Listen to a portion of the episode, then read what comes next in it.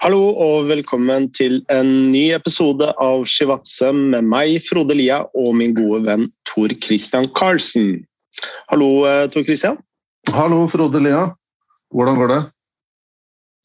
Eh, det går eh, kjempebra, fordi nå er det ikke 20 kuldegrader i Oslo lenger. Så nå, nå er jeg en lykkelig mann. Ja, Det er godt at det ikke skal mer, og, mer til da. enn å litt godvær, så er du blid og fin igjen. Det er ikke mer som skal til, og du er fortsatt i regnet i Manchester, eller? Ja, jeg er Nå er det sol her i nord, nordlige delen av England. Um, fint og klart og um, Ja, det er vel litt sånn på samme samme sted som Norge når det gjelder pandemier og sånne ting. Det er vel ikke helt optimale uh, tiden å drive og være altfor sosial og sånn, men, uh, men jeg fikk i hvert fall uh, Engelskmennene har vært så sjenerøse at jeg fikk en booster-dose med Moderna i går. Yes.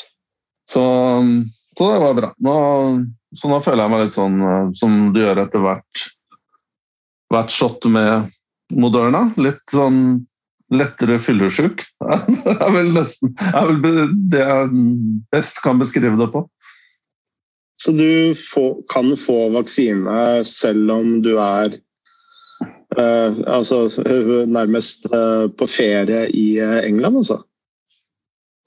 Ja, jeg er i hvert fall om jeg er på ferie, jeg er jo sak. Men, du er på jobb? Jeg er, ja. ja. men jeg er i hvert fall visitor, da. Og, og, hvem som helst kan troppe opp og få, få vaksine. Det, det, det, smitter jo Viruset smitter jo holdt på å si, diskriminerer jo ikke om du er nordmann eller om du er besøkende eller om du er registrert i folkehelsen eller om du er turist eller hva det nå er. Så, så det, er, det, er, mulig for alle.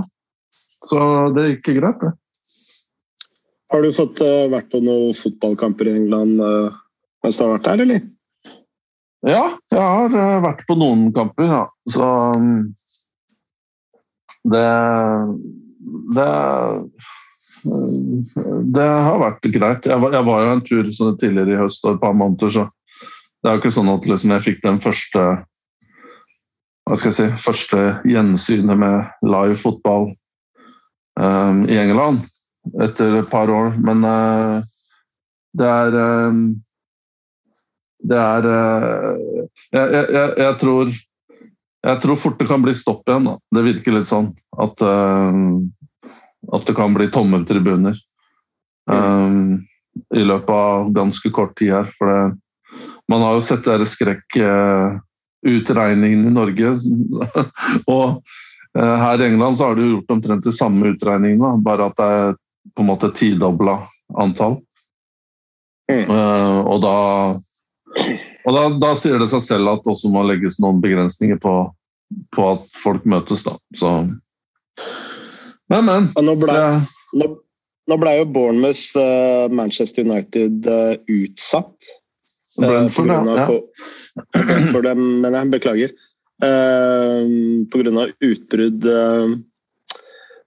i troppen til Manchester United. Og han har jo også lest det at det er veldig mange klubber som sliter med å få vaksinert spillerne sine. Uh, og altså, i større grad enn resten av befolkningen. Har du gjort deg noen tanker om hvorfor det er sånn? Um, jeg bare stusser litt over det. Jeg har egentlig ikke Jeg har egentlig ikke forsøkt å reflektere så veldig dypt over hvorfor noen setter seg på bakbeina når det gjelder å få den eh, vaksinen. Um, men eh, jeg vet ikke om det bare er en, en refleksjon av samfunnet ellers. Da, at det er på en måte liksom 75-80 som, som tar den vaksinen uten noen, uten noe større diskusjon. Og så er det så er det resterende som er fra skeptisk til antivax. Men uh, hva tenker du? Jeg har egentlig ikke noe uh, tenkt så, ikke tenkt så veldig mye over det. Nei, jeg bare så Steven Gerrard var jo ute og sa at uh, dette med vaksiner er noe de kommer til å vurdere i deres kontraktsforhandlinger fremover. da. Eh, og at eh, de foretrekker at spillerne eh, vaksinerer seg, selvsagt. Men så har det jo også vært litt sånn skriverier om at fotballspillere har Altså det har vært et økt antall med hjertetilfeller. Da. Altså ikke bare hjertestans, men hvor det har vært rapportert uregelmessigheter med hjertet. Og så har det gått noen rykter om at uh, dette har med vaksine å gjøre. Da. Uh, så du kan jo Det er det første jeg tenker. At det har liksom blitt en sånn snakkis i, i fotballmiljøet om at vaksinen kan ha innvirkning på, på hjertet. Og sant eller ikke, da, så har det i alle fall blitt en snakkis. Ja, jeg så jo jeg så den saken med Joshua Kimmer som, som først nekta, og så ja, og så tok han ble han eh, utestengt. Eller fikk ikke være med på kamper, da, og så ble han jo smitta. Og litt sånn skjebnens ironi, akkurat det. da. Og nå skal han visst ta, ta vaksina igjen, da, eh, etter det jeg har hørt. Men eh, jeg, jeg, det jeg tenker kanskje først, er at det hadde vært veldig greit. Jeg tipper at klubbene gjør det på den måten at de samler inn alle i hele organisasjonen. altså med en fagperson og går gjennom i plenum eller, eller en til en om det er nødvendig, og forklarer hva skal vi si, det vitenskapelige og hva dette er, vaksinen er og hva det innebærer.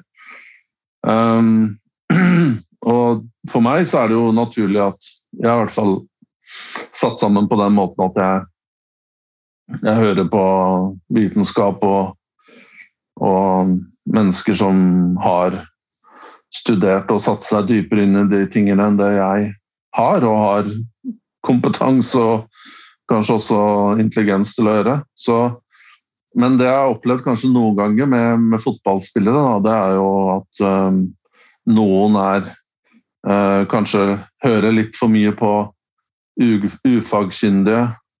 Um, om, det skal være, om det skal være agenten sin, eller om det er uh, teammates eller, eller, sånne ting. Da. Og jeg ser også at det har blitt en litt sånn derre ja, en liten greie, da. At jeg kan uh, sanse at det har blitt en sånn greie med å Um, tro på litt Det er litt sånn i, tiden hos en uh, Jeg må være litt forsiktig med ordlegget meg, men, men viss gruppering av fotballspillere som tror litt på konspirasjonsteorier og alternative uh, fakta. Da. La oss si det på den måten der. Jeg, jeg føler at det er litt, bitte litt sånn tendenser da innenfor fotballen at man Eh, at, at, det er blitt litt sånn. Men, eh, men det, er, det, er, jo en minoritet der vi snakker om. Da. Jo, de aller fleste har vel, har vel eh, innsett at dette her er nødvendig både for egen helse og karriere. Da. Ja. Det skal jo også sies at det har jo blitt faktasjekka opp i mente. Da, og Fifa har jo også vært ute og sagt at det ikke er noe sammenheng mellom vaksine og hjertefeil hos fotballspillere. Så ja, sånn er det. Eh, men det har jo skjedd eh, veldig mye i norsk eh, fotball den siste tiden nå. Altså, vi har jo avslutta Eliteserien, og det er jo i hvert fall én stor klubb i Trondheim som skal bytte trener. Og siste nytt derfra Nå spiller vi inn dette onsdag ettermiddag. Så rapporteres det om at Kjetil Rekdal er uh, i forhandlinger med, med Rosenborg. Og vi snakka jo litt om dette her i siste episode, om hvordan Mikke Dorsin på mange måter har blitt tilsidesatt med tanke på at Han hadde en kandidat fra Hammarby, Milos Milhailovic,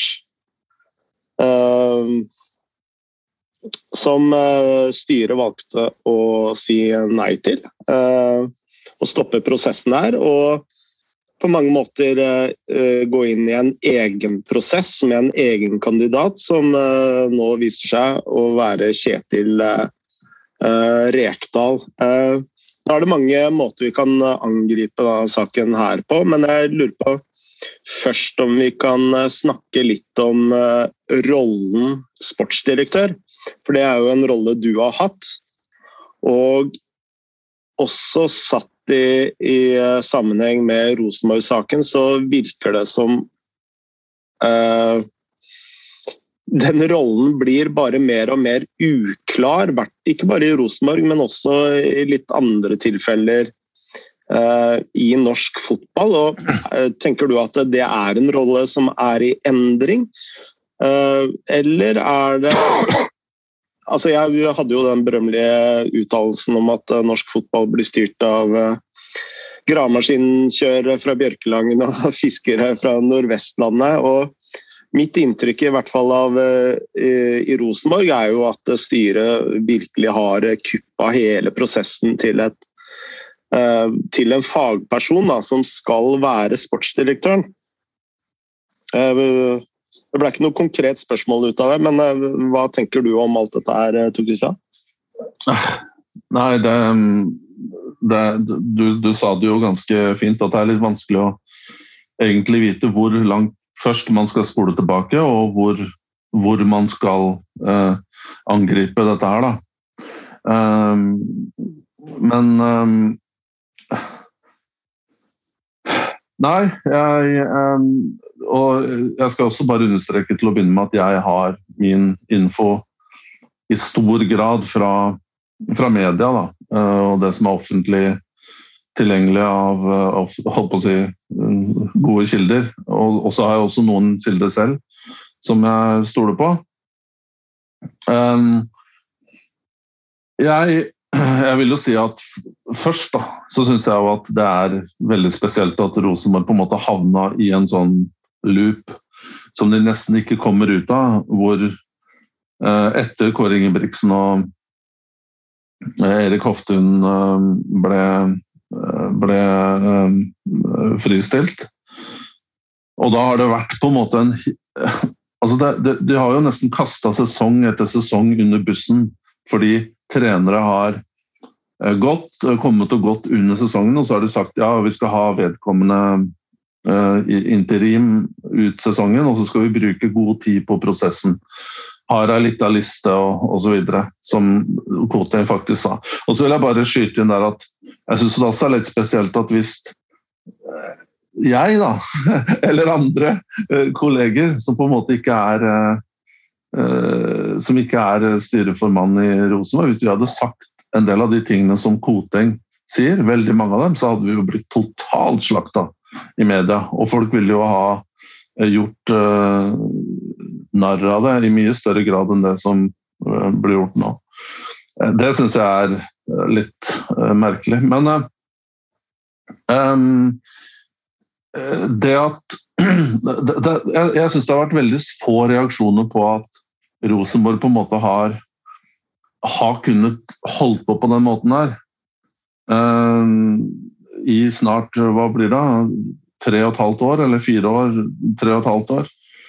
Um, og, og, det med Hareide også, da, som først på en måte i sommeren 2020 er det vel, som er på en måte kandidat, og så, eh, så er han ikke så kandidat lenger, og så har han noen ting som gjør at han ikke kan starte igjen før noen uker etterpå uh, halvannen måned etterpå. Så liksom han holder Rosenborg på vent, og så blir det Hareide, og så skal liksom alt uh, i gang på en, på en uh, god måte igjen. Jeg hadde også tro på Hareide. Jeg syns det var en, i hvert fall utenfra sett, en god, god ansettelse. Men så var jo nesten Hareide ute igjen.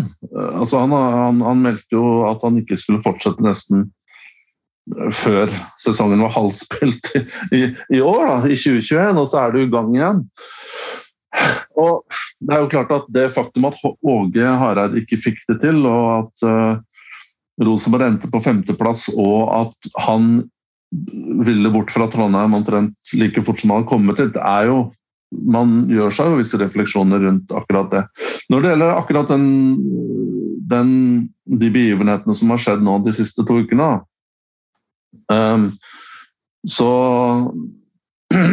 så, så, så, vil jeg jo si at det er naturlig at de har hatt Kjetil Knutsen på Um, på, som førstekandidat, og det sier jo seg selv. Um, vi trenger ikke bruke noe mer tid på å forklare hvorfor han er førstekandidat. Han ville jo vært optimal, og, og, jeg mener også hadde fortjent en slik sjanse da, i en toppklubb. Absolutt. På en måte Med de ressursene og stillingen som Rosenborg har. Og, nå har jo det eventyret med Bodø-Glimt vært fantastisk, men på sikt har jo ikke Bodø-Glimt de forutsetningene til å Eh, til å bygge noe så stort da, som man kan i Trondheim. Så skjønner jeg også at da eh, det som virker som at er Mikke Dorsin, eh, sportssjefen sin kandidat, som er da Milos Milojevic.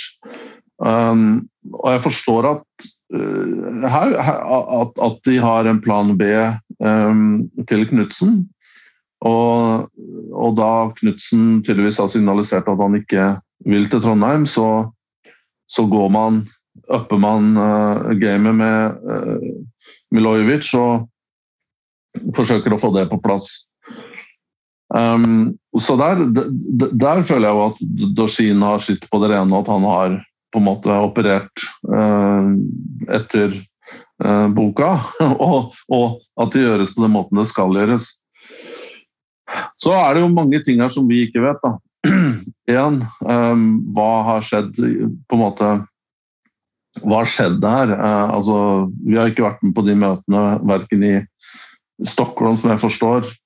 Blir det sagt må være, Unnskyld meg hvis ikke det er riktig, men at det var et møte der med sentrale personer Rosenborg og Milojevic i Stockholm eller andre, et annet sted i Sverige, og så var han jo opplagt i Trondheim. Eh, hva som skjedde der, er jo eh, om det var bare om han ble invitert på falske premisser og at hans kandidatur ikke var forankra godt nok i styret til Rosenborg. Det, det, er jo sånn det virker nå. Jeg leser noen versjoner her på, på, um, i media at han skulle ha holdt en presentasjon, og at den ikke var overbevisende nok.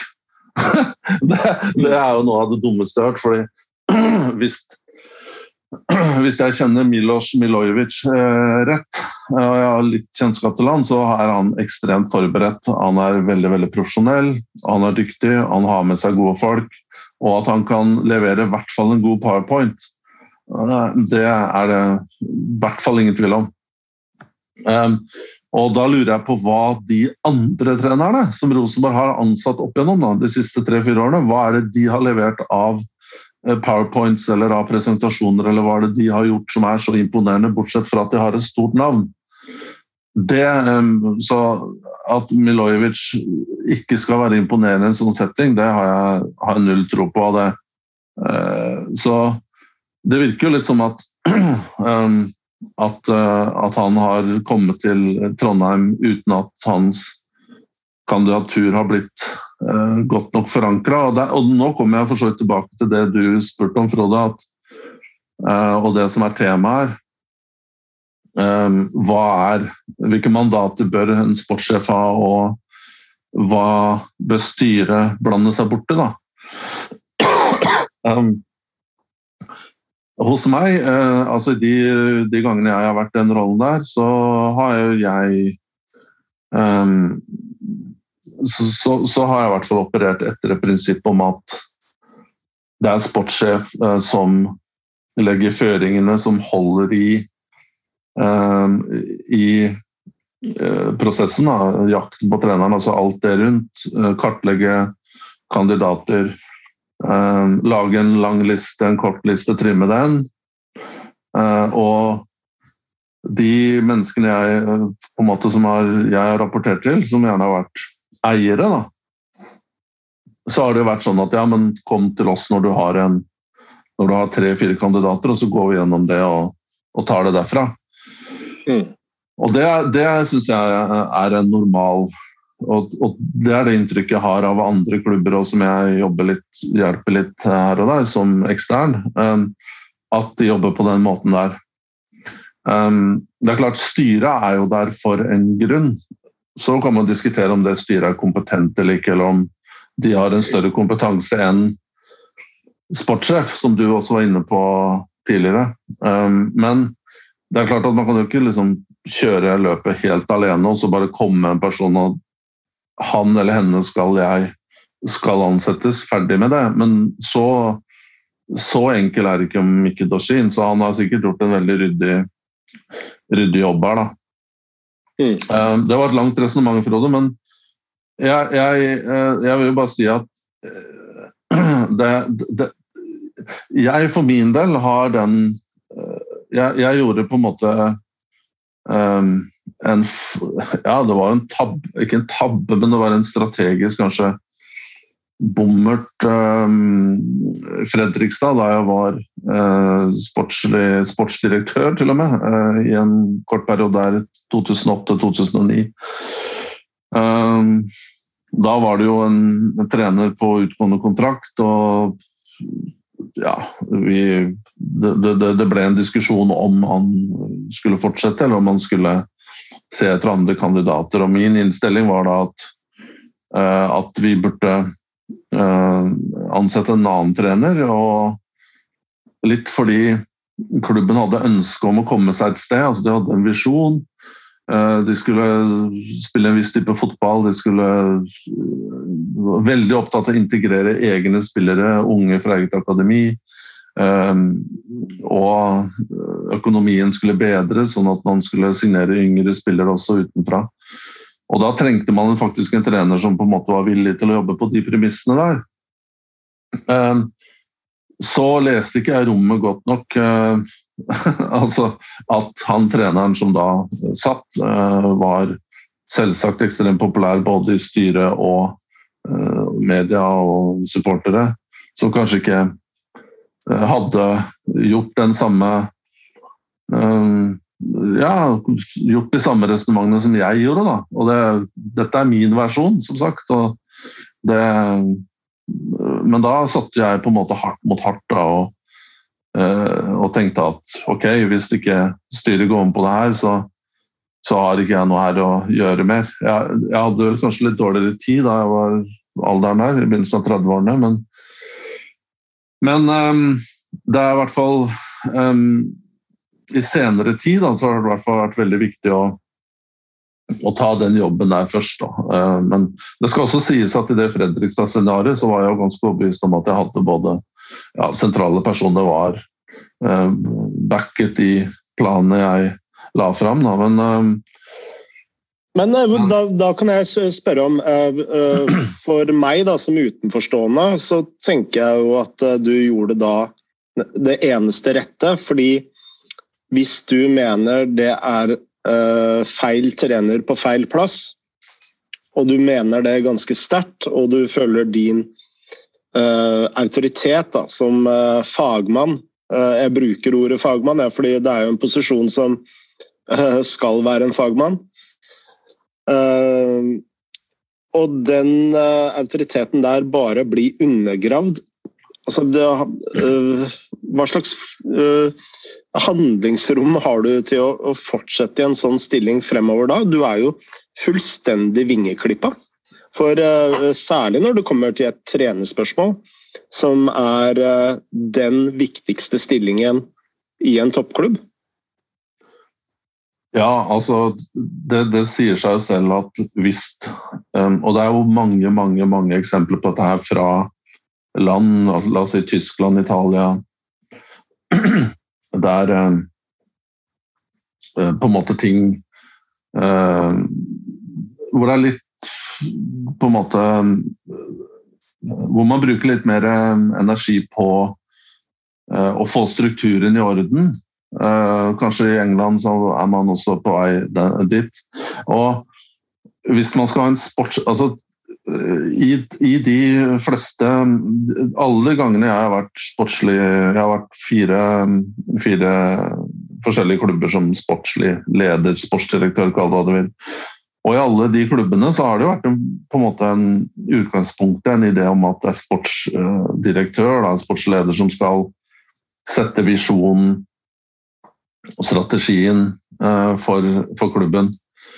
Um, og så har det vært litt mer på en måte, Det har vært litt mer festa til meg noen steder. altså i, i, Norge så er det jo ikke på en måte uh, vi, vi har ikke så klare skillelinjer mellom dette her er ditt mandat, dette her er ikke ditt mandat. Altså, du har ikke de mandatene i Norge som man har andre steder. Um, der man har en, sportslig, en sportsdirektør som man ser på hver gang man skal ta en beslutning, så er det ok, nå er det opp til deg. Nå, nå, for det, det, her må du innstille, det her må du ta deg av. Um, sånn er det jo ikke i Norge. Men det, det avhenger også bitte litt av hva du gjør den rollen til selv. Um, og hvor mye autoritet du har som person. Nå, nå insinuerer ikke jeg at Mikke Dorsin ikke har det. Han, jeg kjenner han litt, og han er, har absolutt autoritet. Men det er andre til, tilfeller da, hvor jeg føler at det er viktigere for personer at de sitter i en jobb, uh, i en stilling som blir kalt da sportslig leder, sportsdirektør, og har den jobben, enn at man faktisk får gjennomført de uh, de ideene man, og beslutningene man ønsker å ta. Eh, jeg, jeg, tror ikke jeg ville ha eh, gjort det på den måten her. Altså, og, og, det sier jo seg selv at hvis du skal være en sportsleder i noen annen grad enn bare på papiret, så må du ha en trener som, som du uh, Ja, som representerer de samme ideene som deg. Hvis ikke så er det jo helt meningsløst. Mm. Uh, og så vil jeg også si med Rosenborg, da, det vil jeg også stusse altså bitte litt over, at uh, hvis man skal ta den klubben der Eller la oss, vi kan ta det litt mer generelt. Da, I norske klubber så er det liksom i, i, i, noen klubber så er det styreformann som er veldig framme og fronter disse trenerjaktene, fronter um, motgang, fronter medgang. Um, og I andre klubber så er det hovedtrener som både uttaler seg om strategiske ting, eh, langsiktige mål, eh, overganger, scouting, alt mulig sånne ting. Mens klubben fortsatt har en sportsleder. Da, da forstår ikke jeg hva er det man Hvordan har man kommet dit, da? Mm. Uh, uh, bare ett ord om uh, Milos uh, Miloi... Ikke Mihailovic, som jeg sa i stad. Milojevic. Uh, mm. Jeg snakka med en uh, en bosnisk venn av meg som bor i Stockholm, uh, som jobber i fotballen. Og har jobba faktisk ganske tett på Hammarby. Og jeg spurte litt om han om Milus, og han sa at Eh, eller han skrev følgende eh, A young and unexperienced coach but run Hammarby like a very experienced coach. Uh, veldig gode ord. Uh, og så skriver han videre Probably the most talented coach in Scandinavia right now. Ticking all the bo boxes. Tactician, thinker, great overview of the market and a leader with a big L. Så det er jo åpenbart et stort uh, trenertalent da, som Rosenborg hadde på kroken, nær sagt.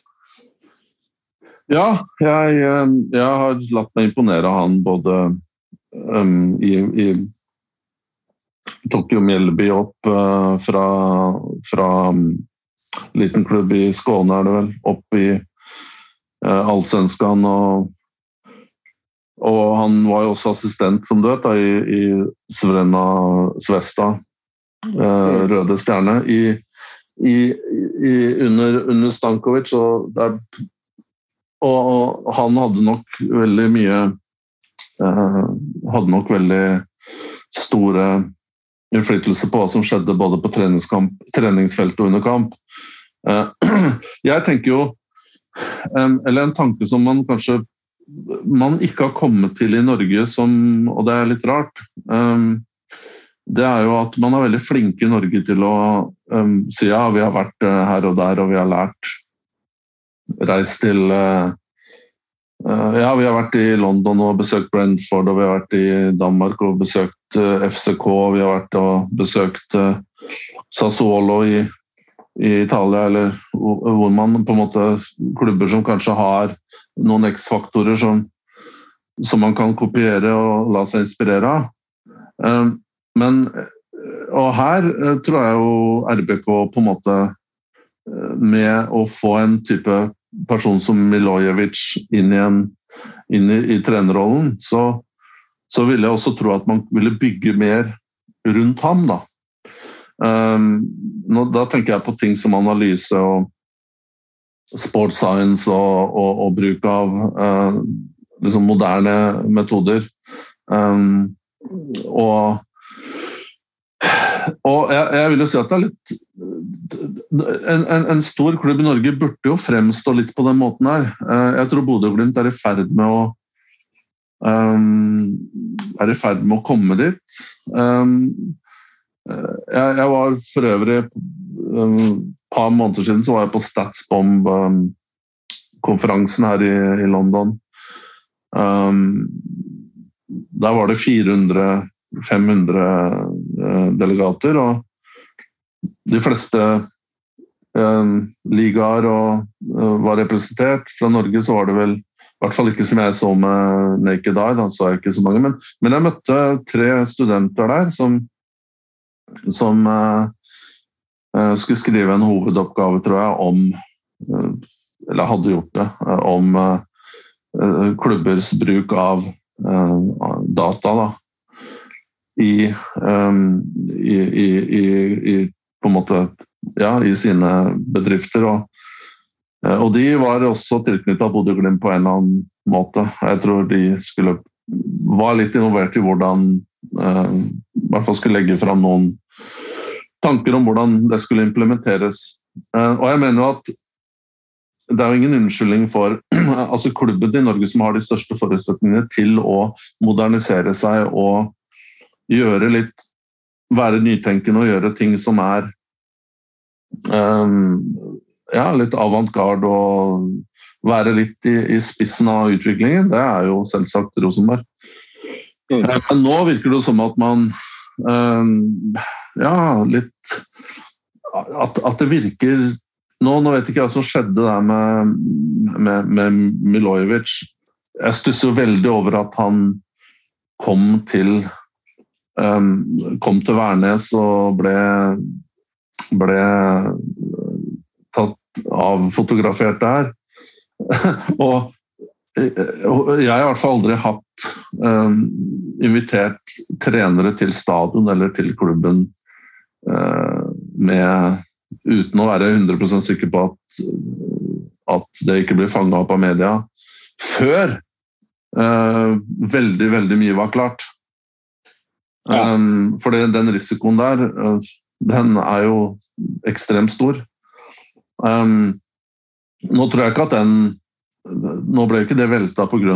at Milojevic ble observert på, på Værnes og i, i Trondheim, men Allikevel så er det jo veldig spesielt da, at han er i kontrakt også med Hammarby og, og, og reiser litt. Men jeg, jeg ville nå trodd at det var smartere å møtes i Oslo, men, men, men, ok, det er på et hotellrom et eller annet sted. Det er i hvert fall sånn jeg har gjort det med Stort sett med suksess. Um, I hvert fall mm, Ja.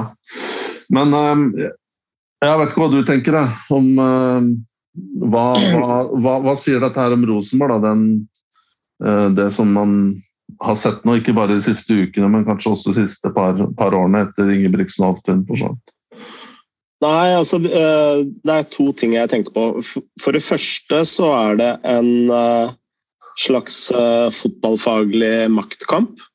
Altså det sitter mennesker i styret der som fortsatt er sterkt eh, knytta til Nils Arne Eggen-kulturen, for, for, å si det sånn. Da. Så jeg mistenker jo veldig at når de forteller at Milojevic ikke hadde overbevist med sin presentasjon. At det de egentlig sier, at uh, dette er ganske langt unna Nils Arne Eggen-arven. det er sånn jeg leser ut av det. mens Dorsin i sitt tilfelle vil kanskje Eller rett og slett ha gått etter den beste treneren han kan finne. Uh, og, så det, det, er vel den diskusjonen som egentlig uh, er oppe til, uh, til debatt da, innad i styret og overfor sportslig ledelse. Og satt i det lyset der, så undres jeg jo veldig, fordi både Koteng og Rune Bratseth har jo vært ute i pressen og brukt veldig mye buzzwords, sånn som utviklingsorientert underholdende angrepsfotball osv. Før jeg kommer med avslutningspoenget mitt, så skal det også sies at uh, Milojevic uh, hadde jo en uh, presentasjon for andre i det sportslige apparatet i og rundt Rosenborg òg. Og der hadde han jo virkelig overbevist. Blant annet de som hadde ansvar for det, det fysiske i akademiet og rundt A-laget de var jo eh, kjempeoverbevist over Milojevic. Eh, men eh, tilbake til disse buzzwordsene. Så altså, Det er jo helt åpenbart at de hadde Kjetil Knutsen på toppen av sin ønskeliste. Men så virker det som at de har satsa alt på det kortet der, så andre kandidater har nesten ikke vært vurdert. Så når da Kjetil Knutsen først sier nei, så står de og eh, stamper og blir veldig stressa. I hvert fall sånn virker det utenfra. Eh, og eh, tilbake til disse buzzwordsene igjen. Da. Utviklingsorientert, underholdende angrepsfotball. Så drar de Kjetil Rekdal opp av hatten. En trener som ikke kan kalles utviklingsorientert, og heller ikke er kjent for eh, underholdende angrepsfotball. Ja, hans forsvar da, skal det jo sies at uh, han har jo ofte trent lag som uh, uh, har vært nede på tabellen, og da blir, blir, jo også hverdagen litt annerledes for deg som trener. Men det er jo sånn Ikke noe som tilsier at han skal ha det Rosenborg er ute etter. Eh, så jeg skjønner eh, heller ikke hva eh, styret har tenkt da, med de kandidatene de har kommet frem til. For meg så virker det nesten som at de har gått etter navn. At det er, det er viktigere å ha et stort navn enn å At man har gjort en ordentlig sportslig prosess, da. Ja. ja. Ja, og det var jo Det virker jo som at den som jeg ser den prosessen som man kanskje var i gang med med, med, med Milojevic, at den var basert på en sunn litt sånn best practice uh, um, Ja, um, prosess. Og nå, nå, er det jo vanskelig Men du, du oppsummerer jo ganske greit der og at um, det man kan si om um, altså Rekdal, er jo at han, han, han, han, klarer å organisere et lag godt. og Han er, han er rutinert, og han, har jo også den, om du vil, um, rutinen til å ja, Hva skal vi si, da? Avlaste Koteng fra å måtte fronte Eh, Rosenborg som jeg sier, både i opp- og nedgang. Men spørs om den avlastningen er noe han ønsker hjelp til. Og, altså om han ikke er fornøyd med å, å gjøre eh, det der selv. Men eh, jeg, jeg, vil også si at um, hvis det er sånn at du på en måte uh, nå, nå, vet jeg, som Igjen da, så, så kommer dette fra media. Uh, Eh, men hvis det er sånn at du måtte ta turen ut, utom Nils Arne Eggen eh, for å eh, forankre kandidaturet der først, så er jo det fryktelig problematisk, hvis det stemmer. Da har man jo med all respekt for det med det Eggen står for og har gjort. Men da er det jo litt nesten sånn som Manchester United holder på, da, at du må innom Ferguson før du kan ta noen beslutninger på kjøpe, hvis du skal kjøpe spillere over visst antall millioner pund, og hvis du skal ansette trenere, så må du en tur innom han. Mm. Det, det, sånn kan du ikke operere. Du må jo ha skin in the game for å kunne, for å kunne ha um, for, å, for, å, kunne ha innflytelse. Du kan ikke på en måte være uh, og det, og det, gjelder også på en måte en del av, av styremedlemmene som på, vi ikke kjenner navnene til. Som uh, Du må jo altså, ja, Hvis du skal være med å ta beslutninger, så må du jo på en måte kunne stå, for, stå og falle på dem. Mm. Uh, og at det skal også bindes til navnet ditt. Du, uh, men sånn på en måte uh, et, en, en, mulig scenario, nå som, som, jeg sier, jeg spekulerer, understreker det før folk hopper på e-mail eller telefon og sånne ting. Jeg, igjen, dette er en spekulasjon, men det virker som at det kan være tilfellet. At man må på en måte forankre det hos en hos Nils Arne Eggen, da, da, da, mener jeg da, da må jo klubben ta et, uh, ta et veldig veldig stort oppgjør. For det, det, det, trenger man faktisk ikke å forklare hvorfor det ikke gir mening. altså, Så dumme er vi ikke. Uh, uh, ja, og Det har jo vært altså, supportergrupperinger som har krevd styrets avgang. Da. Ja, og det, det Jeg, jeg synes jo egentlig, når alt kommer til alt, at man har vært um, ganske Ja, hva skal jeg si, da? Det har vært ganske um, anstendige, da, disse Rosenborg-supporterne. Uh, jeg føler at så mye rart som har skjedd i den klubben de siste, siste tre og et halvt årene, det er jo Altså, jeg husker jo han ehm, Det var en som skrev en meget, meget, meget god bok, eh, 'Arven etter Eggen', som jeg leste her for det er vel tre-fire år siden, tror jeg. Den ble utgitt. Om, som beskriver den turbulente perioden fra Eggen gikk ut og til eh, ja, gjennom alle disse trenerne og periodene. Men han kan jo skrive et, uh, han kan jo skrive et mye tykkere volum nå på, på en oppdatere den boka. Eller han trenger ikke å oppdatere, han kan jo skrive en ny bok. Um, men jeg syns jo det har vært gemyttlig, disse Rosenborg-supporterne.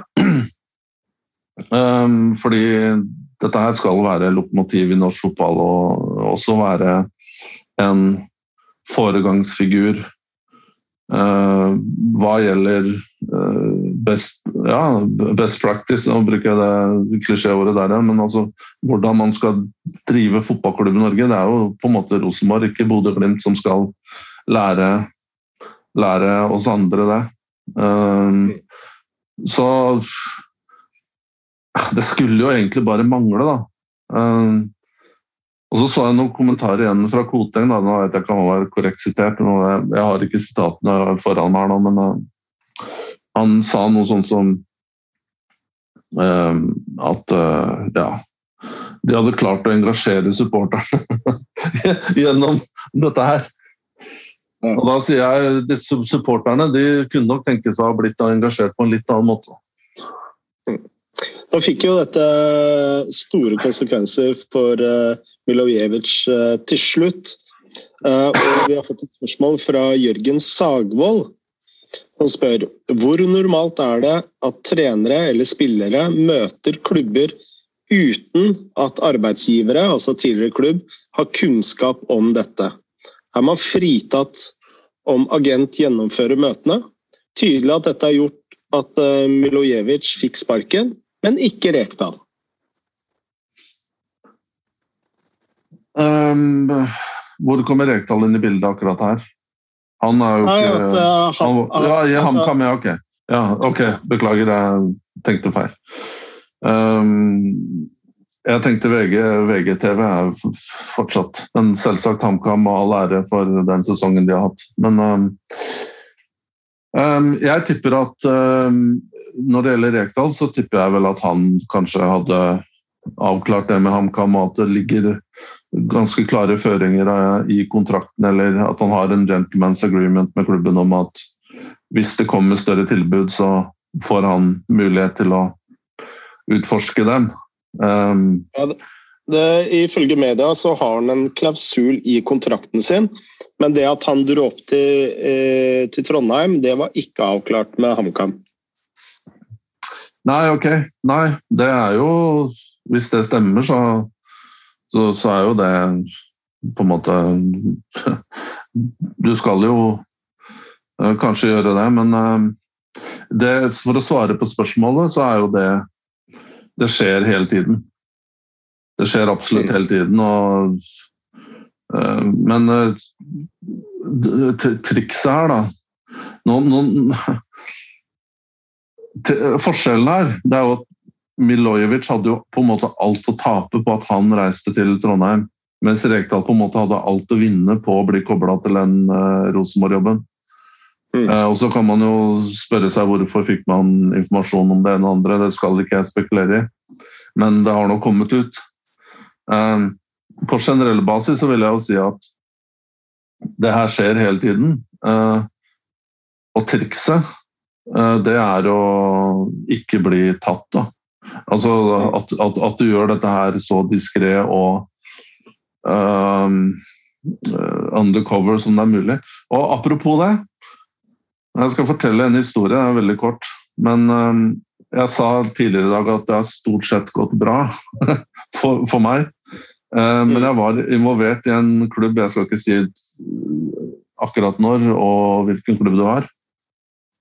Um, og da hadde vi um, var, vi, var, vi var i hvert fall Jeg var med i den sportslige ledelsen. Uh, og vi var på et punkt der det så ut som et tap til kunne gjøre at det ville bli aktuelt å, å bytte trener.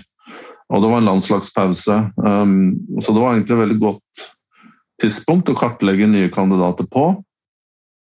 Um, og jeg tror muligens også at han treneren som var inkubant, han var uh, på vei ut av kontrakt. Så det er, ikke, det er noen uh, mitigating factors her som gjør at vi, vi, vi tok dette møtet her. Um, og da hadde vi booka et konferanserom i et uh, hotell som lå veldig veldig sentralt i en hovedstad i Europa, for å treffe med den kandidaten. Jeg hadde truffet ham først. Um, og han hadde en presentasjon for meg. Um, jeg rapporterte videre til ledelsen, og de sa ja, ok, vi har lyst til å treffe han. Og da dro dro jeg eh, og et par til fra klubben. Vi dro da til et hotell, traff denne kandidaten. Og helt utrolig, i lobbyen på det hotellet så satt en hva skal jeg si, wannabe-agent, eh, spinndoktor med kontakter i media, kontakter overalt. En type som prata. Jeg, jeg kjente jo vedkommende. Uh, han prater med absolutt alle. Og en ganske sånn kjent uh, behind the scenes-profil i det landet. Han satt i resepsjonen og så først kandidaten kom ut og prata med han. Han visste jo ikke at det hadde vært et møte, og han eh, Kandidaten hadde jo sikkert en god forklaring, det fikk jeg aldri svar på hva, hva han hadde sagt. Men vi kom jo etterpå, og han kjente igjen meg, og, han, og, da la jo han sammen to pluss to. Mm.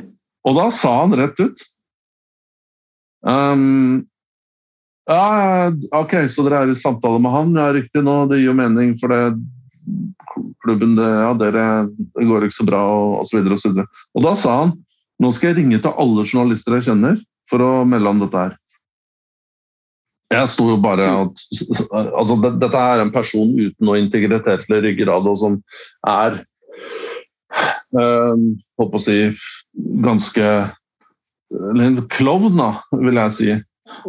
Og så jeg på en måte, jeg brydde meg ikke så veldig mye om det, og så tenkte jeg at ok, det er vel ingen som tror på det du sier uansett. Så, og dette her er en del år siden, da. jeg kan røpe såpass mye. sånn at Um, det ting, Twitter liksom, Ting gikk ikke ut på sosiale medier og så kjapt som det ville ha gjort nå. Um, men han klarte jo å lekke det, da. Så dette kom jo ut um, i, i, i, media i det landet. Og så sirkulerte det også tilbake til, til større, større medier osv. Og, så og etter den opplevelsen der så har jeg sagt liksom, hver gang jeg treffer en trener i en sånn type um, I det stadiet i en prosess, så skal det gjøres liksom, Da er det veldig Det skal være veldig inkognito, da. Ja. Og nå har vi jo heldigvis Zoom i tillegg. Ja, men når du sier det, Frode, så det blir ikke det samme, altså. Det er mye Jeg er i hvert fall en sånn non-verbal person. At jeg, jeg må ha en del av disse tingene som man fanger opp litt uten ord. Den feelingen med andre personen. Den får du ikke over, uh, over uh, skjerm, altså. Nei. Uh, vi har fått et spørsmål til som er litt i samme gate. Ekte lidenskap på Twitter. Han spør har styrer i norske fotballklubber fått for mye makt. Dette styret ansetter ofte daglig leder og sportssjefer til å utføre en strategi. Men hvorfor stoler dere ikke da på styret på den personen når viktige ansettelser og avgjørelser skal gjøres? Og eh, det siste har vi jo snakka mye om, men, eh, men eh, tja Har norske styrer for mye makt? Nei, altså Styret kan jo for så vidt ikke ha for mye makt, da. for det er jo Styret er jo et styre, og det, det er jo derfor at det er det, det, er på toppen, og de er valgt inn eller kjøpt seg inn for å, for å sitte ved det bordet. og det er klart da ja, Uansett hvilken kapasitet du sitter i det styret, så har du jo enten gått gjennom en demokratisk prosess eller en Um, eller at du er en eier, da. Så det er klart, da har du jo retten til å komme med mening. Så, mm. Men man, man, burde kanskje gi litt Jeg som, styre, jeg, jeg, som styremedlem så tror jeg du må være Jeg tror du må være litt mer opptatt av å kanskje bruke den rollen din til å være litt mer støttende, da. Og, enn at du skal Um, bare kobles inn når uh, noen beslutninger skal tas. Eh, at, at hvis, hvis, du har Jeg tror noe av problemet her det er ikke at kanskje styrene har for mye makt, for det blir jo litt sånn absurd igjen. at Styret skal jo ha makt, sånn er demokratiet. Men at um, man burde kanskje finne en eller annen måte på å finne ut at disse personene som på en eller annen måte kommer seg inn i styrer, har kompetanse, overskudd, interesse um, for å drive på med det her. For det tar veldig lang tid. Og noe av utfordringen som jeg har hatt med på en måte Nå har ikke jeg jobba så mye for styrer, det har vært mer direkte med eiere. Og det, det har vært, uh, tror jeg, mye enklere uh, å forholde seg til. Da er det ja eller nei, eller og så forholder du deg til det. Men jeg har opplevd veldig ofte med, eller også hørt fra andre, da, og mye frustrasjon bunner i at du har drevet en prosess eh, fordi du er en og som sportslig leder eller som en eh, daglig leder Unnskyld eh, hostingen her, men så er du selvstendig og du driver prosesser fremover. Og du føler at når du legger disse sakene frem for å få et stempel hos styret, som skal være et ja, så har du gjennom din kompetanse og erfaring så har du klart å analysere uh, pros and cons, og du har gått gjennom 360 graders analyser av dette her over og igjen og igjen og igjen. Sånn at når du legger det fram, så er det på en måte Det, det er eh, kvalitetssikra av den kompetansen eh, du har. Og jeg liker også å bruke noen andre eksterne som ikke er styremedlemmer. for, for å sparre da. mennesker jeg stoler på. Og Da er det frustrerende når du kommer til styret, så får du på en måte spørsmål om ting som du allerede har sjekka ut veldig veldig tidlig. altså ut Med tanke på at det ikke lenger er et element i saken. Så får du spørsmål om det, og det liksom begynner å komplisere ting. De skal liksom nøste tilbake veldig, veldig langt. Fordi, rett og slett fordi styremedlemmene ikke har vært tett nok på, på disse prosessene. Det er et problem. Um, og det, et annet problem det er også at i fotball at, at um, styremedlemmer heller ikke har den uh, Som jeg sier, de er ikke så tett på på daglig basis. og de, Det er mange grep du må ta som, som, leder som er litt sånn spesielle, som du må stole litt på eget instinkt. Og det er ikke alle disse grepene som, som du treffer med. Noen slår feil. Uh, og da er det liksom sånn Ja, men hvorfor gjorde du det? altså, og så prøver du Ja, men det kan jo ikke funke. Jo, jo, men du kjenner ikke den personen som jeg har forholdt meg til, som, eh, som er grunnen til at jeg måtte gjøre akkurat det grepet. Eh, noen, det kan være et man management-grep, f.eks. Hvor du må gjøre litt utradisjonelle ting utenfor boka, og så kommer da styremedlemmer noen måneder etterpå, kan det godt være, og sånn Ja, hvorfor gjorde du akkurat det der? Så du må ha, du må ha litt respekt, da. Du må ha respekt for at du kan de tingene der. La oss si du er en jurist. Um, nå er det ikke de som har bakgrunn fra jussen som er de minst reflekterte, da, det skal sies. Uh, det er vel heller motsatt. og Det har hatt veldig godt, god relasjon med styremedlemmer som på en måte kommer fra si, lignende, lignende, ting. Men det, det, Dette her tror jeg ikke er noe noen noensinne klarer å løse. altså Så lenge du skal ha et demokrati og et valgt styre, eller til og med et det, det, det, eneste som kan funke i fotball, det er jo et opplyst enevelde, da, vil jeg påstå. Hvor du har én eier, eh, og som har sitt team, management-team, og de styrer og gjør som, som de vil. Mm. Det, det, kan funke. Og det er vel de klubbene som er mest suksessrike, som driver på den måten der. Er kanskje det som også er suksessen til Bodø-Glimt. at uh, altså Det er jo selvsagt en medlemsklubb, og sånn, men sånn sportslig så virker det som ja, som du kalte det, et uh, enevelde.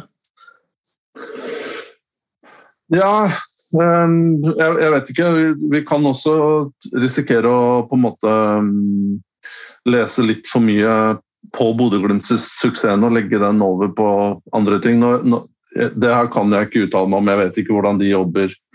Men um, fra egen erfaring så synes jeg i hvert fall det er mest um, Det er mye, mye enklere og mye ryddigere å forholde seg til én person, og den personen er eieren. Eller presidenten. Men i Norge så har vi jo bestemt oss, men det har vi vært inne på tidligere i andre episoder av Frode, at i Norge så har vi liksom Vi, vi, vi skal ha det Vi har bestemt eller det er konsensus rundt at vi skal ha en inkluderende fotball, ikke bare på bredde, men også på toppnivå. At supporterne skal ha en skal ha en stemme, eh, noe som er bra. Og det er nok mange supportere som liksom, Nå snakker jeg om supportere som står bak uh, Står på bak mål og liksom er ekstremt patriotiske. Det er, det er, nok mange av dem som også har har, har større forutsetninger for å ta gode beslutninger i en styresetting enn mange av disse som på en måte sitter der fordi de må. Da. Uh, og ikke har noen større uh, ambisjoner rundt det. Men jeg vil jo si at det faktum at medlemsklubber er veldig komplisert, og at det kan gjøre at ting At du må inngå altfor mange kompromisser for å tilfredsstille altfor mange, det tror jeg er litt sånn underkommunisert i Norge oppi all det snakket om at medlemsstyrte klubber er absolutt det beste. Nå, nå, tenker du på det sportslige, ikke sant? Nei, jeg, jeg tenker, på, tenker, på, alt. Altså, jeg, når alt kommer til alt, så er det jo sånn at du på, på, beslutninger så må du jo overlate det i størst grad til management. Jeg mener et, en, et, et, selskap eller en organisasjon eller en fotballklubb der styret er inne og legger liksom, er inne og micro, micromanager og er inne og liksom legger føringer i små beslutninger hele tiden, det er jo ikke en sunn organisasjon. Og det er jo ikke noe Det er jo for ambisiøse, sterke mennesker som har litt autoritet og ønsker å få til ting så er jo ikke, gidder du ikke å jobbe i en sånn uh, organisasjon. da, da, da, er det jo Du må men, jo ha mandater. Er ikke det litt sånn øh, to ulike ting? Altså et styre som et styre som engasjerer seg og mikromanager, sånn som er åpenbart i, i dette Rosenborg-tilfellet, og et årsmøte som engasjerer seg. Jeg, jeg tenker jo at det er to helt ulike ting. Ja, det Ja, det, altså tre, store treneransettelser og sånne ting. Øh, for så vidt kunstgress i Bergen, det kan jeg forstå at at, eh, at årsmøtet skal ha et ord med i laget, det, det er jo liksom en, en, en, fundamental, ekstremt stor greie da, som kan avgjøre um, handle, handle, litt om kulturen til klubben, historien, alt mulig sånne ting som går utover det, utover det du som, som um, leder egentlig skal kanskje Nei, altså her kan jeg også se begge, begge deler. Uh, altså begge sider av saken. Men poenget mitt da, det er at jeg, jeg, tror, jeg tror det er fristende for um, Hvis du skal ha en medlemsstyrt klubb, så må det på en måte være en Du må ha en sterk styreformann eller -kvinne som, som, som du kan som har også politisk hode og, og en politisk erfaring, som, eh, som, kjenner organisasjonskultur og vet hvordan han eller hun skal manøvrere og klare å få fram de beslutningene også som kanskje management ønsker. Da. Det er det jeg mener. Og så ikke minst eh, så bør man ha engasjerte medlemmer som i motsetning til Barcelona, da, for å ta et uh, sånt eksempel, hvor du har veldig mange medlemmer, gjerne opp i alder, som ikke har uh, fulgt med i debattene innad i klubben. Og, og det blir veldig sånne overflatiske valg, da. Ja, jeg, jeg, er ikke sikker på at jeg har så mye med alder å gjøre, for å være helt ærlig. Jeg jo Jeg vil jo si at de i fleste norske klubber så har du jo en gruppe med sånne gamle eller eldre herrer og kvinner da, som, som, har lang eh, Som har lang eh, Nå snakker jeg om en, på en måte en ekstern eh, altså De har sin klubb, da. Eh, nå, eller sin klikk, og som er på en måte sånn Vi hadde vel i start, og jeg vet ikke om det eksisterer fortsatt, noe som het Seniorrådet, hvor de de ofte samla både 30-40-50 tidligere spillere og um, nøkkelpersoner i klubben, og det var i hvert fall alltid jeg, jeg, vil jo påstå at det var ofte mye mer uh, perspektiv og tålmodighet. Forståelse for at ting tar tid i fotball der, å hente enn kanskje hos uh, noen andre. Så, uh, men det er som sagt, det, dette er jo for en eh, spesialpodkast, Frode, som vi kan bruke mange timer på. Det, og det er jo ingen, ingen modeller som er helt uten, uten svakheter. Nå kommer det jo flere debatter fremover om medlemsmodellene i Norge. Men la oss gå videre til et litt annet uh, tema. Eh, vi har fått et eh, spørsmål fra Rune Tovsrud. Og han lurer på akademier i toppklubber. Hvordan jobber de største klubbene her? Hvem er best in class? Og hva er mindre bra med dette? Les 'Bruk og kast av ungdom'. Du har jo reist litt eh, rundt omkring, så du har kanskje noen formeninger om eh, akkurat dette? Hvis du skal sette deg veldig på spissen, så tror jeg Nå, nå er det toppnivå man snakker om, ikke sant? Um, mm. um, da vil jeg jo si ganske kjedelig, men enkelt svar at det er eller tre ting. Det er Eller først så er det um, Ja, ok, det henger litt sammen, da, men det er jo historikk, kultur. Um, og infrastruktur er blitt viktigere og viktigere. At du har gode opplegg for spillerne. Um, ja, de fleste har jo enten internatløsninger um, Begynner å komme her og der. Spillerne I Monaco hadde vi jo det med Der bodde det jo alltid en liten gruppe med spillere på. Um, fra 13-14 og oppover. Bodde jo faktisk på stadion på, på eh, Louis II. Uh, der hadde de en, liksom en rom, da. Altså, De spiste jo, men nå blir det digresjon her, da, men de spiste jo frokost og lunsj og middag og ble tatt vare på. De største talentene som kom fra andre deler av Frankrike. Um, så det er jo veldig viktig for foreldre, hvis du skal på en måte snakke så langt ned som 10-11-årsalderen, 12, før de er på ungdomsskole, så, så, er det viktig at barna er tatt veldig godt vare på at de har eh, et godt opplegg.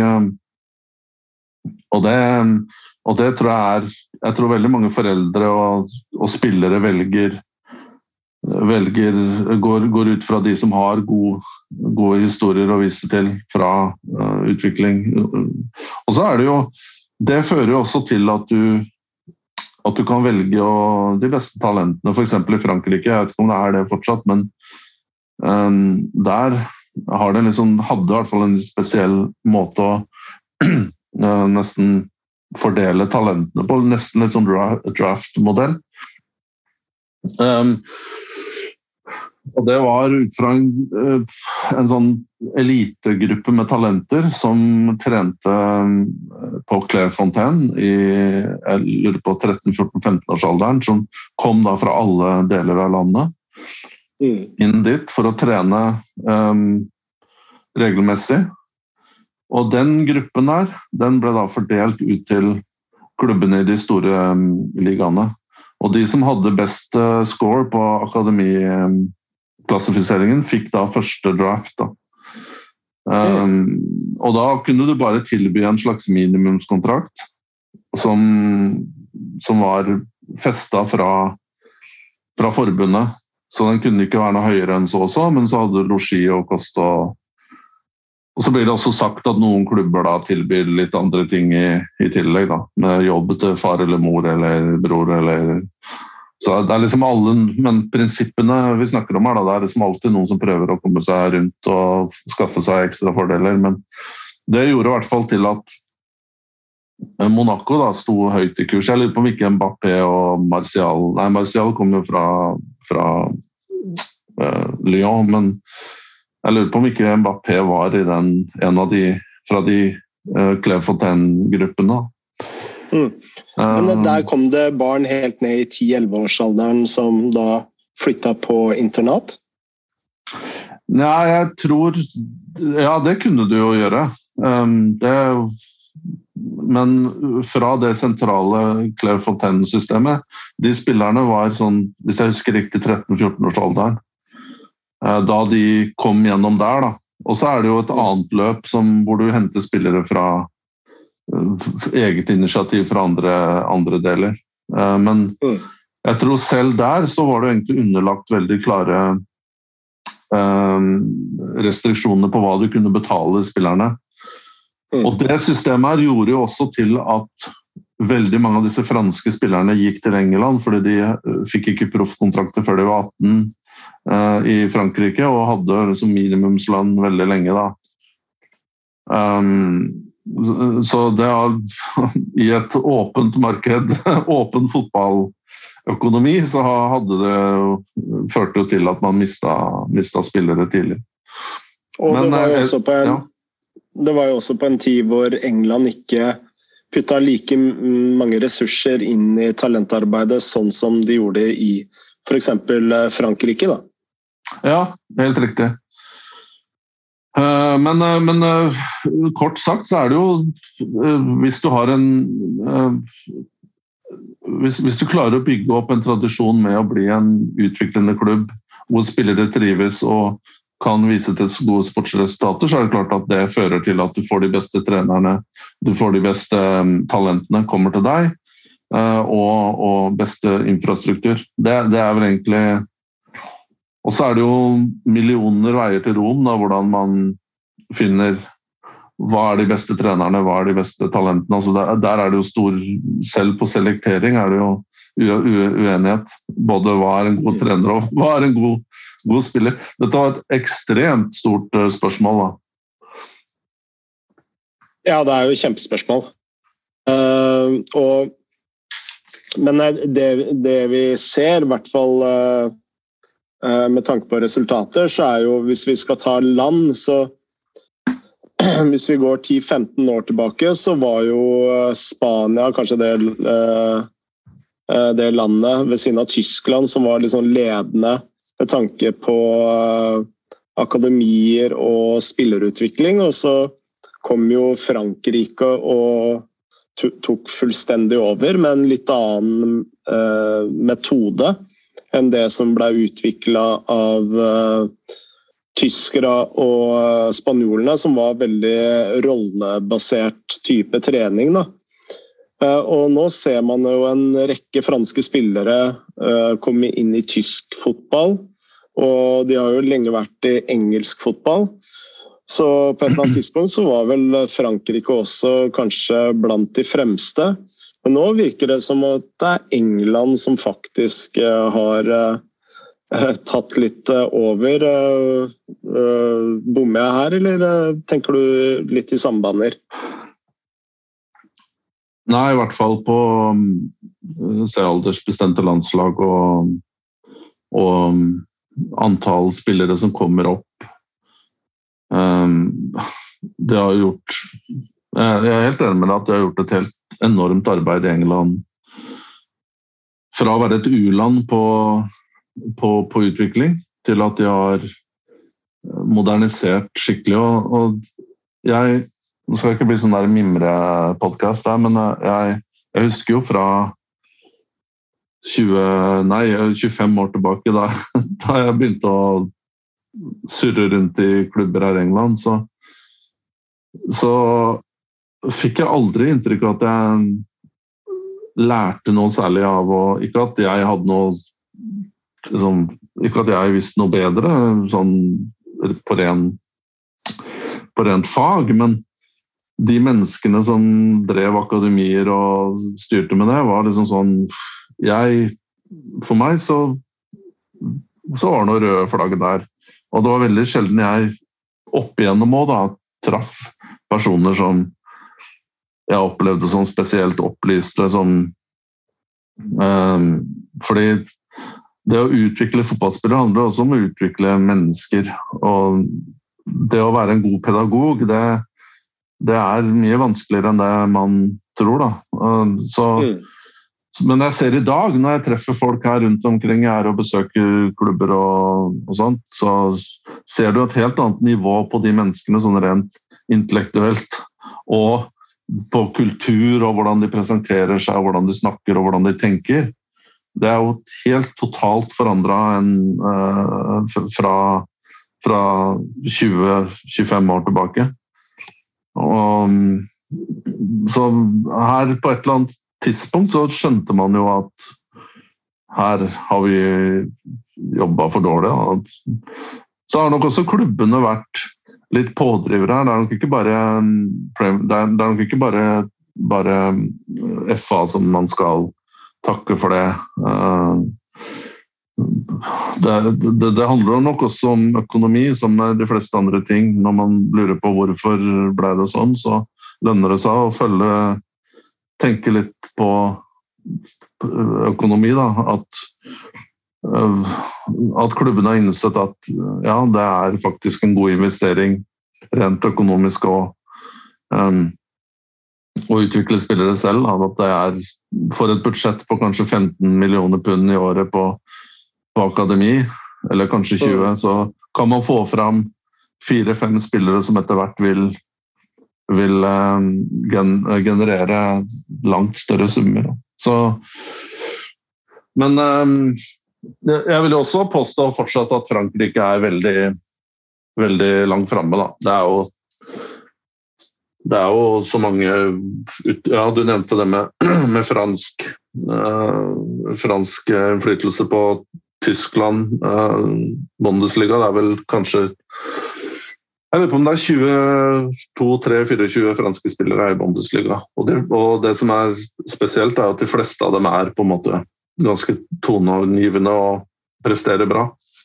Mm. Og, hvis, og, hvis, du ser på klubber da, som Bayern og Dortmund og, og Leipzig, som stort sett vet hva de driver med, altså, eh, ja Hvis det er tre klubber som på en måte har gode praksiser og tenker smart, så, så ser man jo ofte at det er franskmenn de henter først.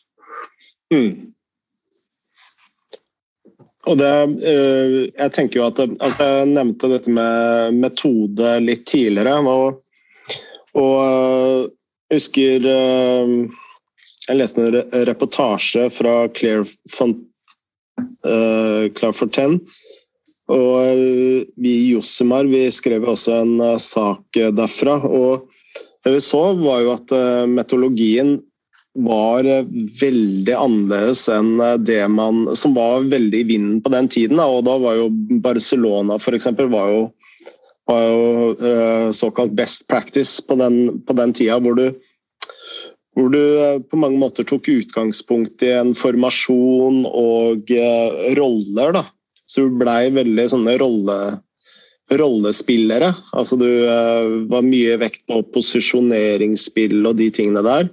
Mens uh, i Frankrike så var det det å utdanne den komplette spilleren. Da. De la f.eks. veldig stor vekt på at alle spillerne skulle være tofota. da så det var veldig mye terping på den dårlige foten, f.eks. Og da får du sånne spillere som uh, Dembélé, da, som uh, egentlig er høyrefota, men tar straffer med venstrefot, f.eks. Mm. Ja. Uh, er... Men ja, tilbake Ja, kjør på det. Ja, nei, tilbake til uh, spørsmålet. Da, så er det sånn, uh, I England for eksempel, så har jo det vært en uh, altså Chelsea har jo gått for å ha hatt det beste akademiet. Men da er spørsmålet hva legger du i best? da? For onde tunger kan vel hevde at Chelsea har det beste akademiet fordi de har skrapa sammen alle de beste talentene i Europa og leid de ut til ulike klubber. Mens Manchester United, da, bare for å ta et eksempel, har en helt annen strategi. Altså, de har masse spillere fra nærområdet og Nord-England som de har i akademiet, og som spiller innad. Da. Så det er jo to ulike strategier òg, da. ja. Nå har vel Chelsea gått litt bort ifra den den derre kast ut nett og dra inn og alt som er. Um, ja, De fikk vel noen dommer på det? Ja, det var vel noe med Jeg vet ikke om det var Chelsea, men det var vel i hvert fall Barcelona og måtte um, var vel noen spillere under uh, det, jeg, skal, jeg, skal, ikke si helt sikkert, men det har vært en del sånne, sånne saker. Um, men jeg tror brexit jo, gjør det jo litt vanskeligere um, også. Men um, det jeg, jeg, tror det er um, Chelsea har jo um, jobba veldig altså Det handler om investering. Altså det er jo hvor mye er du villig til å bruke på det her? Og har du dyktige mennesker til å, til å styre, styre infrastruktur og, og metodologi? Um, så det, det, er jo ikke noe mer mystisk enn det. Og så er det jo selection. da.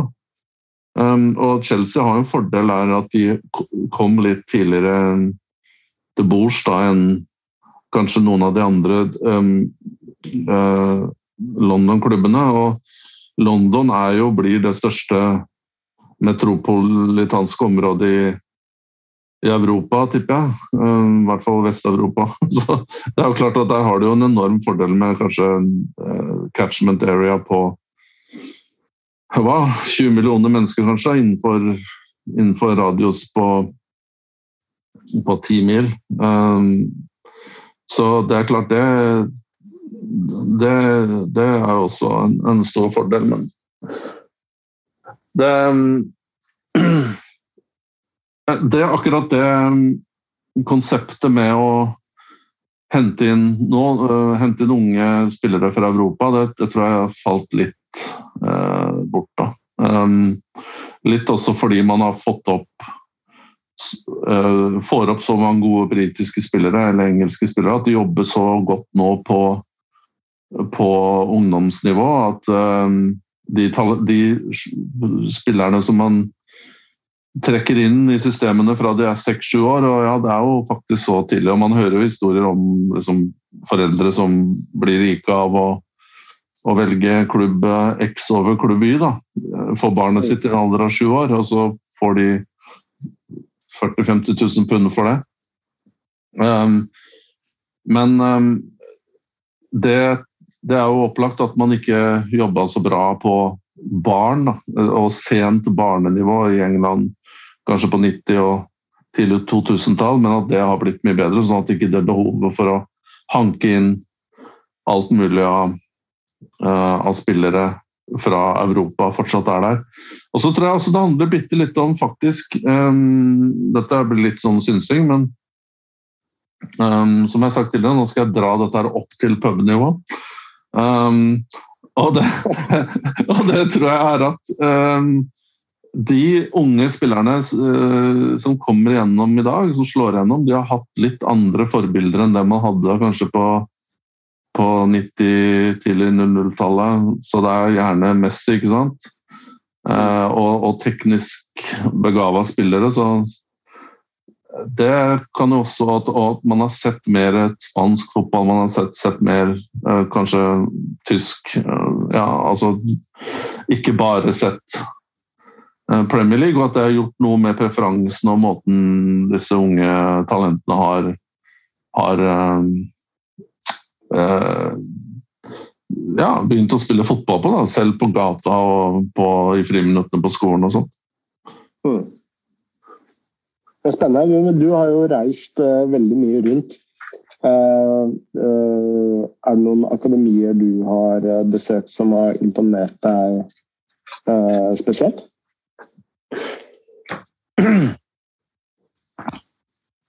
Nei, altså jeg, jeg jobba jo i Monaco i en, en stund, og det, jo, det, er jo fortsatt en av de beste akademiene i, i, Europa. Men for å være helt ærlig så er ikke dette her mitt uh, sterke fagfelt. Jeg, jeg, har jo besøkt klubber i, over hele verden, og, og, jeg ser en hel del med dyktige unge spillere.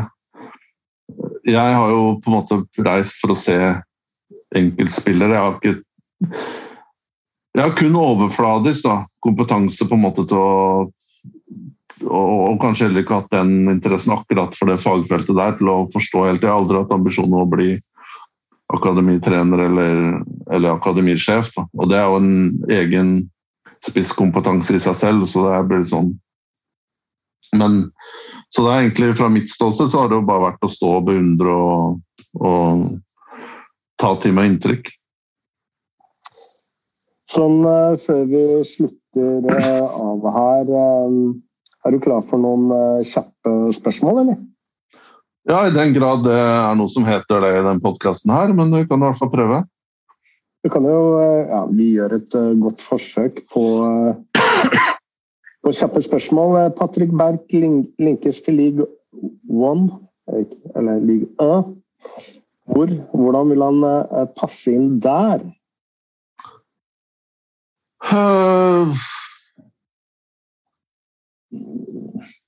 Jeg Det går fryktelig fort da, i Frankrike. Og det, er, og det er fysisk, og det må Det er veldig mye um, transitions. Um, så Men hva gjelder ballsikkerhet og intelligens og variasjon i, i, i pasningsspill og posisjonering og sånne ting, så har jo så har jo Patrick Berg et internasjonalt snitt. Eh, om Frankrike er helt optimalt, og Lan som er litt sånn Jeg har vel også hatt litt uh, historikk der med at ikke det har vært den mest stabile klubben i Europa, men de gjør det jo veldig bra. Det ligger jo høyt oppe på, på tabellen, og det, det høres spennende ut. Og det er jo et eh, lag som uh spiller en utprega ballbesittende fotball og mye gjennom midtbanen. Da. Så eh, et lag som prøver å holde ballen mye. Så det er jo sånn sett kan det jo passe Patrick Berg eh, veldig godt. Ja, nok Jeg, jeg har ikke sett så mye på Lans i år, for å være helt ærlig, så det, det Der tar jeg, jeg tar ditt ord på det. Så det, da høres det ut som en god match. Jørn Frode han spør om hva syns dere om avslutningen til Solskjær i Manchester United? Og at han nå muligens kobles til Everton? Og hva dette synes om alt som skjer i Juventus? En klubb som uh, har tidligere blitt nevnt som en av de best drevne klubbene i Europa. Var, det eh, fra, var det alt fra samme mann? Ja. ja det var effektiv, han. Tre spørsmål ja. på 140 tegn.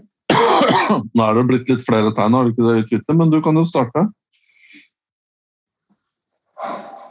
Nei, avslutningen til, nei, til Solskjær i Manchester United, hva skal man si da? Altså, de, eh, jeg syns jo det avslutningsintervjuet hos Manchester United var veldig spesielt, da. Det må jeg si. Uh, og jeg er litt usikker på hva jeg syns uh, syns om det òg, egentlig. Hva tenker, hva tenker, du på at det er spesielt? Nei, altså, Jeg har jo aldri sett det før. Altså, jeg har aldri sett en manager som får fyken gjøre et avslutningsintervju på egen hjemmeside. også den, med tanke på at det ble så emosjonelt. da.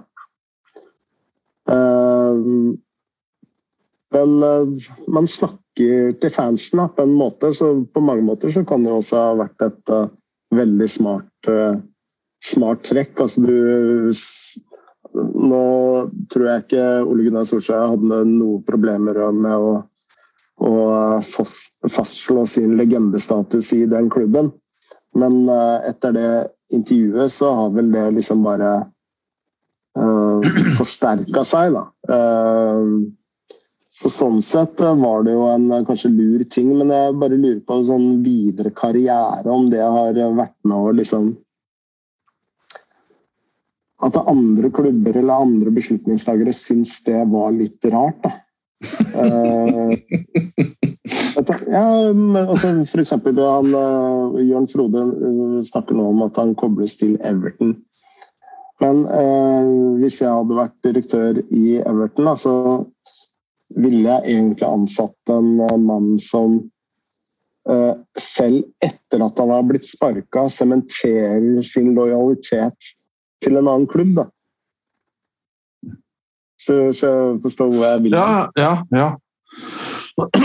Nei, jeg, jeg, har egentlig ikke reflektert så mye over akkurat det, akkurat det intervjuet der. Um, men um, det jeg tenker kanskje først Så jeg, jeg er litt enig med deg på det punktet at um, Den greia der med Solskjær som starta Han kom tilbake der som um, interimtrener for like før jul tre år siden.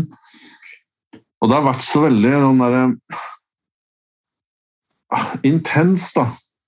Altså, jeg, jeg, er usikker på om uh, altså, Jeg skjønner også at La oss si Klopp og Guardiola, og hvis du skal sammenligne med dem, at Klopp er veldig um, Han er veldig smart og, og, og genuin uh, når han um, Og man kan også si Rafael Benitez, da, som var veldig sånn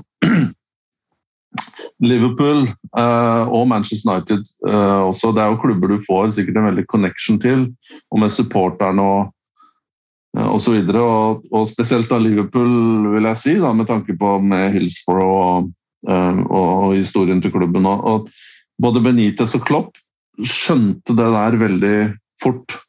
Og de forstår veldig mentaliteten på Mercyside. Benitez har vel blitt Altså, familien bor, bor der fortsatt før han gikk tilbake til Everton. Eh, og Klopp forstår på en måte arbeiderklassekulturen og alle de utfordringene man har vært gjennom i Liverpool som by og som, som et kollektiv der. Um, og, men jeg føler allikevel at de Kanskje ikke Benitez, da, men altså Klopp har allikevel en distanse til det. Da. At han Du kan forestille deg at Klopp um, han kan gå Ja, det blir jo sikkert veldig trist når han drar fra Liverpool, men han er en prof, profesjonell. Altså han, altså, han, er ikke en lifer sånn sett at han skal være i Liverpool ut resten av karrieren. Han skal sikkert til Bayern München og kanskje eller Real Madrid eller hvor han nå skal. Jeg følte kanskje det med Solskjær at det ble veldig intenst, det kjærlighetsforholdet der. Og det var hele tiden liksom bruk av veldig mye retorikk uh, hele tiden om klubben og supporterne og, og, og local lads og, og han, altså sånne ting som kanskje hører veldig til på 80-90-tallet uh, eh, og 70-tallet for den saks skyld, men som kanskje er litt sånn Jeg vet ikke. Hadde jeg vært styreformann, så hadde jeg tenkt og jeg, jeg mobba litt på meg Bielsa Leeds-supporter på Twitter i går. Hvor jeg skrev en tweet om Bielsa. Hadde han fortsatt vært i jobben om han het uh, Mark Bell og ikke, en, ikke kunne lene seg på en personlighetskult. Uh, og jeg, jeg, hadde tenkt litt sånn at jeg, jeg ville nok heller hatt en trener som er litt mindre intens på de områdene der. Det er litt som å være i en forhold med en dame. Da. Så Hvis en dame liksom er på hele tida om de tingene her om Det blir slitsomt. Du, du må ha litt luft. og Som du også var inne på, at du blir altså Solskjær fikk jo Manchester United-jobben fordi han hadde den connection til Manchester United. Det er jo helt åpenbart. Um, og derfor tror jeg også at han um, at kanskje det er vanskelig å se at han kan uh, komme tilbake i en Premier League-klubb, rett og slett fordi som du også sier, at den connection der er så, så sterk. Men jeg føler jo kanskje at den moderne approachen er at kanskje man har litt, mindre, litt mer distanse til det og brander seg selv litt mer som en Om ikke hva skal jeg si, da, uten å, at, at, det blir feil. Um, at man blander seg selv litt mer som en utelukkende profesjonell skikkelse. Da, som har bitte litt sånn distanse til klubben. Mm. Jeg, vet, jeg, vet, at det er ikke det supporterne nødvendigvis vil høre hele tiden, men det er ikke alltid det supporterne vil ha, uh, som er riktig. hvis, hvis det, for det, det, er liksom Supportere er holder med den klubben fordi de elsker den og fordi den er deres og de er supportere. Det har jeg 100% respekt for. Men en trener skal i utgangspunktet altså være noe annet. Da. Men jeg har litt mer iskaldt, ikke iskaldt, men litt mer distanse. Det er i hvert fall min Gir det mening, eller? Absolutt. Absolutt. Uh det blir en sånn uh, ekstra dimensjon som også kan uh, altså Når du først går nedover, så går det kanskje litt sånn ekstra nedover Pga. Ja. den emosjonelle biten i tillegg. Da. Ja, det er veldig, veldig godt poeng. Og så vil jeg bare, bare fullføre det med Bjelstad der. At um, um, jeg, jeg, tenker det der med personlighetskultur, det slår litt begge veier. Fordi um, på en måte så er det behagelig å ha en sånn trener som tar som nå, Bjelsa av en eller annen grunn har den derre tiltrekningsevnen, ikke sant. Og fordi han bor over en fish and chips-butikk og kjører golf, så er han liksom har han truffet innertier med Leeds-fansen, ikke sant. Så, og han er den personen han er, en intens fotballperson. Han bryr seg ikke om, om luksus. Han er, han er, down to earth, og han, han um, han er uh, fotballnerd, ikke sant. Det er masse sånne bokser som man tykker der. Og han er, er, sånn. Jeg prøver ikke å si at han er fake på noen som helst måte. Og det er veldig bra, for det, når det går bra, da tar det av mye um, Det tar av mye press. Uh, mye oppmerksomhet går på han, ikke på spillerne. Ikke på uh, Victor Orta, som er sportsdirektør. Um, og eier, for den saks skyld. Det er nok behagelig en klubb som Leeds, som har hatt mye på måte, fokus på de upstairs. Men problemet er at når det ikke går bra altså den, Jeg føler den personlighetskulten som er bygd rundt, rundt um, Bielsa, den er jo nesten så sterk at supporterne nesten liksom er klare til å gå ned i uh, Gå ned med han. altså, altså, og da blir det for mye av det gode for min del. Altså, og du får nesten ikke sparka han fordi um, Eller sparka stygt ord, da, men altså, du får nesten ikke bytta trener fordi han har den connection her med supporterne, og de, de, står så ved han. Mm. Og, og jeg ville i hvert fall vært veldig forsiktig med å binde meg til en sånn person hvis jeg var et fotballstyre For det, det, kommer med en pris, da, på en måte. Altså, det kan slå begge veier. Jeg vet ikke om Du er jo Bielsa Du er jo uh, kult over Bielsa, du Frode. så... Ja, Bielsa over nesten alt på jord. foran kona òg? Nei, ikke for kona. I hvert fall over kona si. Kona hører på denne podkasten. Det... Nei, det kan jeg ikke forestille meg. At Kari Anna har eh, tålmodighet til å sitte og høre på det her i to timer. Eh, jeg lurer på om eh, det blir de siste ord, ja. Det var ganske fine siste år, var det ikke det? Jeg syns jo det. Altså, jeg er veldig glad i Bjelsa, men altså, han har et vindu på to år og, år, nummer tre og, altså, For Leeds-fan, de er jo veldig på overtid. Vanligvis har jo det Bielsa-toget ryket lenge før uh, sesong tre. Men er det tre eller fire nå? Uh, fire nå, eller? ja, fire. Dette er jo fjerde. Ja, ja er det ikke det? det blir, vi blir sikkert korrigert hvis det er feil, men uh, ja. Tre og en halv.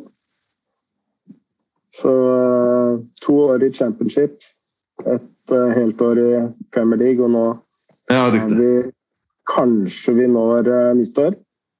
Mm. Jeg satt egentlig og venta etter uh, tapet i går at uh, han kom til å trekke seg.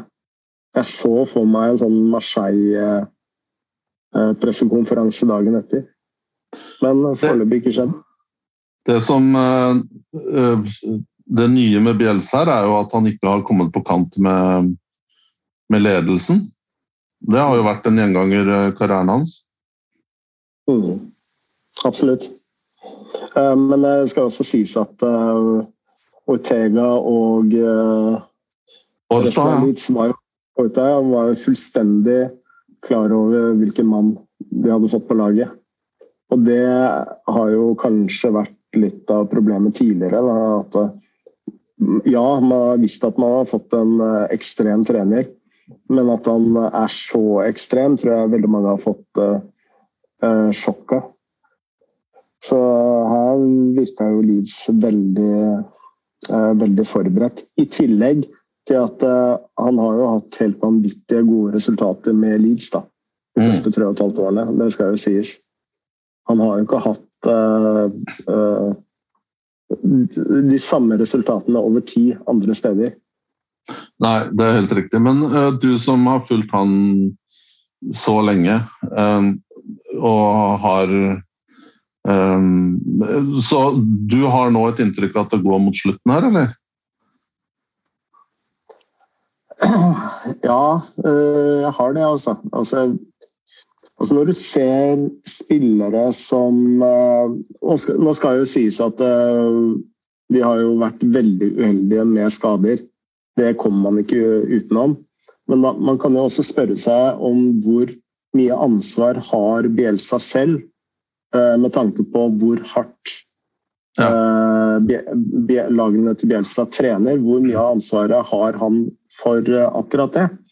Mm. Og jeg tror at uh, han har ganske mye ansvar, fordi dette med skadeproblematikk er jo noe som alltid har vært gjeldende hos lagene til Bielsa. Altså det går et år, og så i år nummer to og år nummer tre så begynner liksom slitasjen å gjøre seg gjeldende. da. Skadene kommer, og så, og så er det game over. Uh, nå har det jo tatt uh, litt lengre tid her i Leeds. Og det har nok med at altså Den treningskulturen som har vært i England med veldig tøffe treninger, har kanskje passa Bielsa bedre enn det de gjorde i, uh, i Spania og, og, Frankrike. Kanskje. Jeg vet mm. ikke. Uh, men ja, jeg, jeg, tror det går mot slutten, ja. Helt åpenbart. Det blir spennende å se. Nå er det jo nå er det jo et ganske intenst program som venter neste uke nå, hvis ikke covid-smitten um, um, gjør at juleprogrammet blir veldig amputert. Men det, med den skadesituasjonen til Leeds som de har nå, um, og det tette programmet som kommer da. Nå, nå, har du vel gjort unna en del tøffe kamper nå, akkurat Tottenham, Chelsea og City, så det er vel kanskje noen enklere enklere motstandere foran men, uh, fremover. Men ja. Det vil jo være Det vil jo være en um, veldig Ja, nei, vi skal ikke ta noe på forskudd der, men uh, jeg, jeg, støtter deg i den uh, analysen der, Frode. Bra. da kan vi avslutte, TK. ja, vi kan gjøre det. Men jeg er så dårlig til å avslutte, så du får bare gripe rett inn. Vi, det, vi, får nesten ønske god jul da, til uh, våre kjære lyttere. Og takk for um, et litt uh, Hva skal vi si? Litt um, magert 2021 på Chivanse-fronten. I hvert fall andre halvdel av året ble ikke som vi 2022 kommer til å bli fantastisk. Det kommer til å bli eh, veldig, veldig spennende. Så jeg vil i hvert fall benytte sjansen til å ønske alle som eh, tar seg tid til å høre på oss, eh, og ønske dem en god og fredelig jul. Helt enig. Det samme gjør. Jeg ønsker alle våre lyttere kjempegod jul. Og pass på helsa, pass på hverandre, og så ses vi igjen på nyåret. Adios. Moderne media.